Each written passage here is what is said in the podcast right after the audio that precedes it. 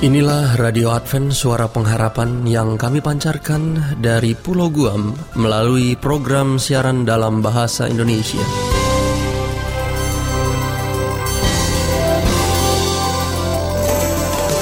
Salam sejahtera kami sampaikan kepada para pendengar kami di mana pun Anda berada.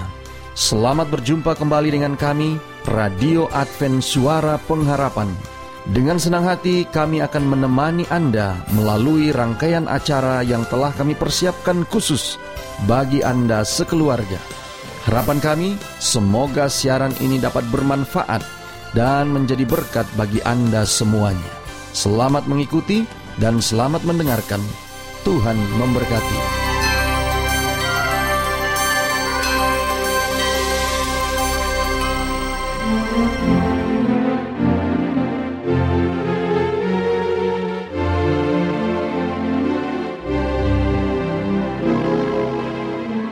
Saudara pendengar yang setia Radio Advent Suara Pengharapan Saat ini tibalah kita di acara Kesehatan. Besar harapan kami agar program acara ini boleh menambah pengetahuan kita semua. Karena kita tahu bersama bahwa di dalam tubuh yang sehat terdapat jiwa yang kuat. Namun sebelumnya mari kita mendengarkan lagu pujian yang berikut ini. Selamat mendengarkan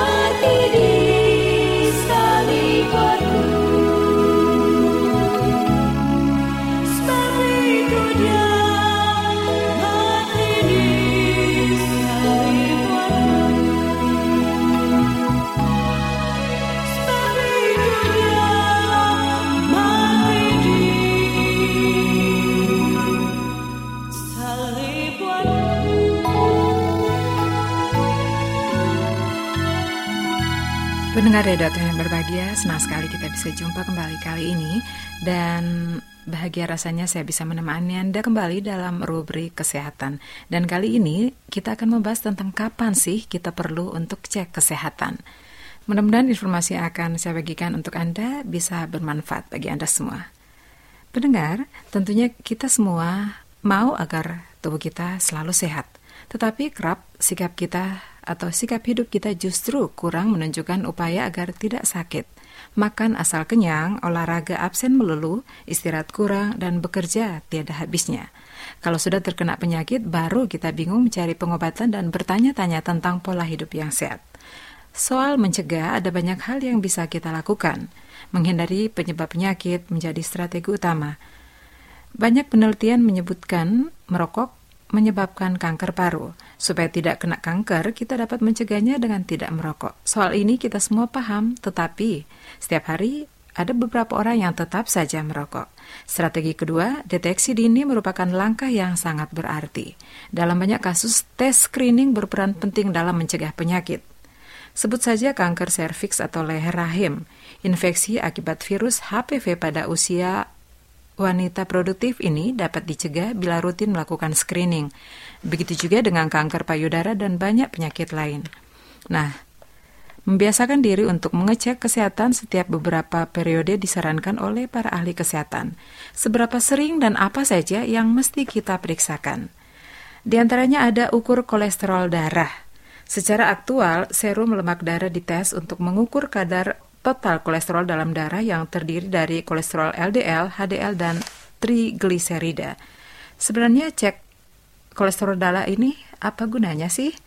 Nah, tentunya untuk mengukur kadar kolesterol dan trigliserida dalam darah. Keadaan lemak darah yang tidak normal akan meningkatkan resiko serangan jantung dan stroke. Masalah muncul saat kolesterol atau LDL low density lipoprotein tersimpan cukup banyak dalam dinding arteri yang ditandai dengan meningginya kadar LDL atau saat kadar kolesterol HDL atau high density lipoprotein menurun. Kapan dan seberapa sering kita harus tes kolesterol darah? Lakukan sekurang-kurangnya lima tahun sekali bila kondisi anda normal. Kalau tidak, Anda mesti mengecek lebih sering lagi. Tes ini sangat penting bila dalam keluarga ada riwayat kolesterol tinggi dan serangan jantung, kegemukan atau jarang berolahraga, menderita diabetes atau suka mengkonsumsi makanan berlemak tinggi. Kemudian, mengukur tekanan darah. Tes ini mengukur puncak tekanan jantung Anda saat memompa darah keluar lewat arteri atau sistolik dan jumlah tekanan dalam arteri saat jantung istirahat di antara tekanan atau diastolik. Gunanya untuk mendeteksi secara dini tekanan darah yang meninggi. Makin lama terdeteksi, makin berbahaya. Anda akan berisiko terserang stroke, jantung, gagal jantung, dan kerusakan ginjal. Kapan dan seberapa sering kita harus mengukur tekanan darah? Sekurang-kurangnya setiap dua tahun sekali. Saat periksa ke dokter, tekanan darah pasti akan dicek. Bila tekanan darah melebihi batas atau meninggi, dokter mungkin akan merekomendasikan tes sesering mungkin. Tes tekanan darah sangat penting bagi mereka yang berusia 35 tahun ke atas, kegemukan, kurang aktivitas, dan memiliki riwayat keluarga tekanan darah tinggi. Angka ideal atau normal bagi setiap orang sekitar 119 mm merkuri dan di atas 79 atau lebih rendah kerap ditulis 119 per 79. Kemudian kita juga harus mengukur densitas tulang. Tes ini dilakukan dengan sinar X untuk melihat kondisi tulang punggung bawah, wilayah paha, pergelangan tangan, dan kaki. Gunanya untuk mendeteksi adanya osteoporosis, keropos tulang yang bisa mengakibatkan terjadinya patah tulang, Beberapa kali pemindahan dibutuhkan, termasuk dengan CT scan dan sinar X dual energy. Kalau wanita, berarti kita harus segera memeriksakan diri sesering mungkin, apalagi bila ada anggota keluarga yang pernah mengalami osteoporosis. Faktor resiko yang harus Anda waspadai adalah bila sudah menopause, menggunakan obat steroid, perokok, terlalu kurus, pernah mengalami patah tulang. Kemudian yang harus kita periksakan untuk wanita adalah payudara dan mamogram. Tes ini saling menunjang.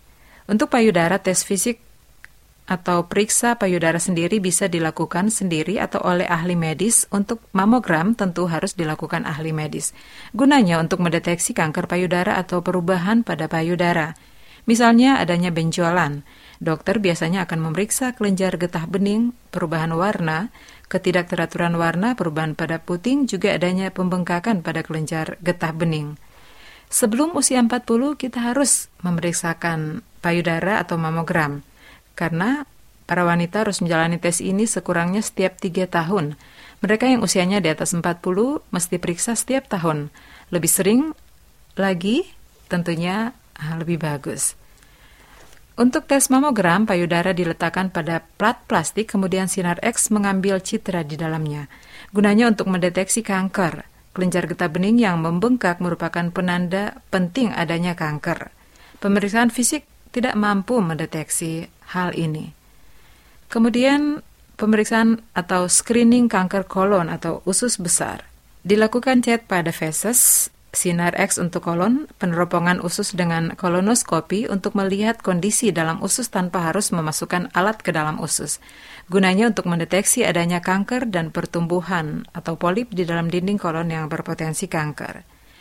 Bila Anda termasuk beresiko, misalnya penyuka daging merah dan kerap mengalami sembelit, screening perlu dilakukan lebih dari sekali selama 5-10 tahun.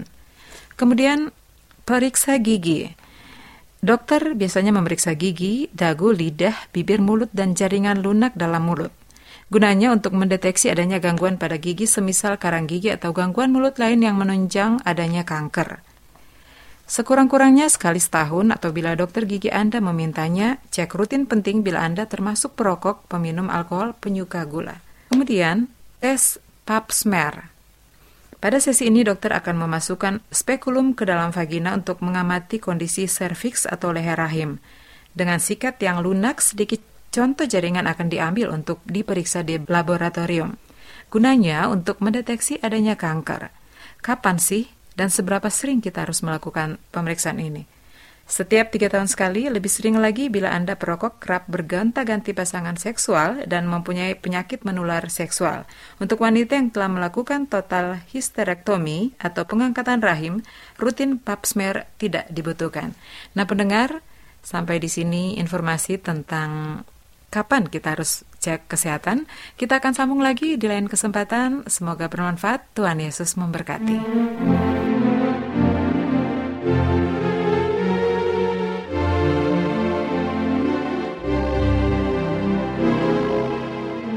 Demikianlah kesehatan yang sudah kita ikuti bersama. Semoga boleh bermanfaat bagi kita semua di dalam kehidupan kita.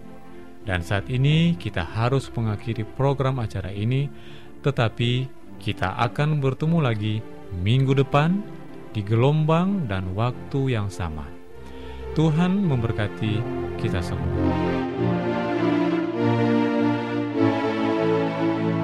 Pendengar yang dikasihi Tuhan, di tahun ke-35 pelayanan AWR Indonesia, kisah dan kesaksian pendengar terkait siaran dan pelayanan audio kami terus-menerus dikompilasi. Terima kasih banyak untuk yang sudah menyampaikan dan masih terbuka bagi Anda semua untuk segera SMS atau telepon ke nomor AWR di 0821 1061 1595 atau 0816 1188 302 untuk WhatsApp dan Telegram. Kami tunggu para pendengar dukungan Anda.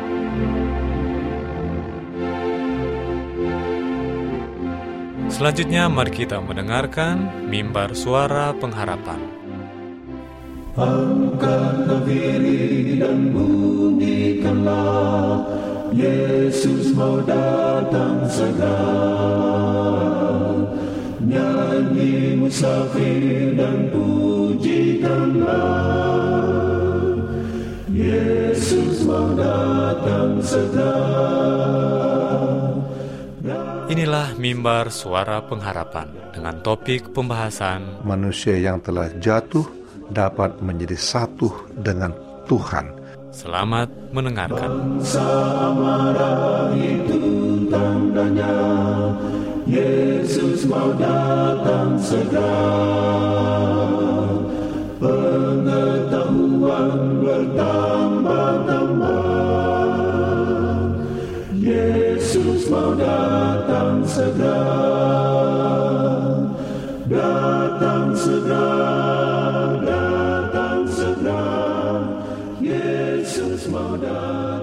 Salam saudaraku yang diberkati Tuhan. Kita bersyukur karena pada saat ini diberikan kesempatan untuk mendengarkan firman Tuhan dalam acara Mimbar Suara Pengharapan. Dengan judul pembahasan kita, manusia yang telah jatuh dapat menjadi satu dengan Tuhan. Bersama saya Pendeta Togar Simanjuntak. Saudara yang berkati Tuhan, biasanya kalau orang sudah berdosa atau bermasalah seperti pasangan, suami istri, dan keluarga, maka kecenderungan yang paling pahit adalah berpisah dan tidak bersatu lagi atau alias bercerai. Itu sering terjadi. Apakah kesalahan dari pihak laki-laki atau kesalahan dari pihak perempuan? Nah, saudaraku dikatakan bahwa manusia yang telah jatuh dalam dosa yang melanggar perintah Tuhan masih dapat bersatu dengan Tuhan. Manusia kalau sudah pisah sama pasangannya, bisa saja mungkin kembali bersatu, tapi kecenderungannya itu sulit bersatu, karena masing-masing mempertahankan e- egonya, apalagi yang merasa dirinya selalu benar. Kalau dengan Tuhan kita tidak saudaraku. Walaupun Tuhan yang benar, kita bersalah, Tuhan tidak pernah menolak kita untuk datang kepadanya dan bersatu dengan dia. Karena Tuhan tahu mana yang terbaik untuk kita. Dalam 2 Korintus 5 ayat 17 katakan, jadi siapa yang ada dalam Kristus, ia adalah ciptaan baru, yang lama sudah berlalu, sesungguhnya yang baru sudah datang. Nah, bagaimana caranya kita kembali bersatu dengan Bapa kita di surga? Setelah kita jatuh dalam dosa, lalu kita dibuang dari Taman Eden, kita berkelana di dunia ini dengan segala dosa dan kesalahan kita dan kehidupan kita yang penuh penderitaan. Satu-satunya adalah menerima Yesus sebagai juru selamat pribadi kita menerima dia, jadi kita ciptaan yang baru, dibaharui, dosa kita dihapuskan, dikuburkan, dan kita bangkit dari kematian yang kekal itu kepada hidup yang kekal. Itulah yang dinyatakan dengan satu baptisan yang kudus, yaitu dalam Yesus Kristus. Nah, saudaraku, untuk manusia telah umat manusia telah memutuskan hubungan mereka dengan Tuhan dan jiwa mereka telah menjadi lumpuh dan tak berdaya oleh racun dosa yang mematikan itu. Itu terjadi saat Adam dan Hawa digoda oleh setan dan memakan buah pengetahuan baik dan jahat tersebut. Namun, telah ada satu waktu di mana pengumuman berkumandang di seluruh istana surga. Aku telah menemukan seorang penebus. Kehidupan ilahi diberikan sebagai tebusan bagi manusia. Pribadi yang selama yang setara dengan Bapa telah menjadi pengganti umat manusia. Tuhan sangat mengaruniakan bagi kita suatu sukacita melalui anaknya yang tunggal kepada manusia agar orang banyak dapat menjadi mengambil bagian dalam sifat ilahi oleh menerima penawar dosa dan membiarkan anugerah ilahi dari Kristus bekerja dalam kehidupan mereka. Umat manusia yang telah jatuh dengan berpegang pada kuasa ilahi juga diberikan dalam jangkauan mereka dapat menjadi satu dengan Bapa. Hidup kekal adalah berkat untuk mana Kristus datang untuk memberikannya kepada dunia ini. Jadi kalau saudara kita semua jatuh dalam dosa, sudah berdosa dan tidak hilang, hilang kemuliaan daripada Bapa kita di surga, bukan berarti Bapa meninggalkan kita, tidak. Ketika Adam dan Hawa jatuh dalam dosa, Tuhan datang kepada mereka bertanya, Adam, Hawa, di manakah engkau? Walaupun Tuhan tahu di mana mereka berada, tetapi sekali Tuhan bertanya itu agar ada satu respon, ada satu kilas balasan dari Adam dan Hawa bahwa Tuhan mencari dia dan dia mengerti bahwa Tuhan membutuhkan respon yang hidup atas panggilan Tuhan dalam hidup mereka. Itu harus dicermati, saudaraku. Bukan berarti Tuhan tidak tahu di mana Adam dan Hawa. Nah, di saat Tuhan melihat itu, Tuhan juga merencanakan penebusan mengenai anak yang tunggal Kristus agar dapat menebus saudara dan saya dari kematian mendapatkan hidup yang kekal. Umat manusia yang jatuh dengan berpegang pada kuasa ilahi yang diberikan dalam jangkau mereka dapat menjadi satu dengan Bapa di surga. Hidup kekal adalah berkat untuk mana Kristus telah datang untuk memberikannya kepada dunia ini. Saudara satu jaminan sangat luar biasa.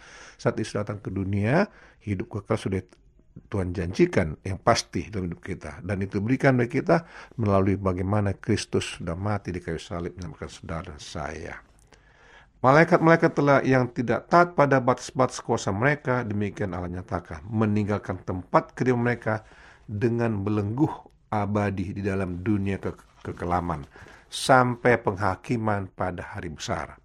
Kita ketahui Alkitab katakan, ada sepertiga malaikat surga yang diseret atau tergoda oleh Lucifer atau pendosa-dosa dunia ini. Sehingga mereka mengikuti akan apa Lucifer dalam kehidupan mereka. Dan mereka pun tidak mendapatkan hak waris kerajaan surga. Itulah yang sangat menyedihkan saudaraku. Lalu katakan bagaimana malaikat yang berdosa itu yang diseret oleh godaan Lucifer itu mereka pun dibuang dari surga ya menuju dunia ini yang merupakan pilihan mereka. Unsur-unsur kejahatan telah diperkenalkan dalam surga oleh malaikat-malaikat telah jatuh dipimpin oleh Lucifer akan tidak pernah lagi diizinkan masuk ke surga. Sudah dihilangkan, dibersihkan. Namun, selama kita hidup di bumi ini, kita akan selalu menghadapi kejahatan dan berperang melawannya. Suatu pertempuran sedang terjadi dalam setiap jiwa kita. Semua orang yang memilih kehendak dan jalan mereka sendiri serta menolak untuk tobatkan pada jalan Tuhan, maka setan akan gunakan dalam pekerjaannya untuk menjatuhkan orang tersebut. Tapi kalau saudara memegang teguh, mengikuti akan perintah Tuhan, melakukan perintah Tuhan, maka setan tidak punya kuasa, saudaraku, untuk menjatuhkan saudara, untuk menggoda saudara, untuk membuat saudara jatuh berdosa. Tidak punya kuasa. Karena Tuhan ada melindungi saudara.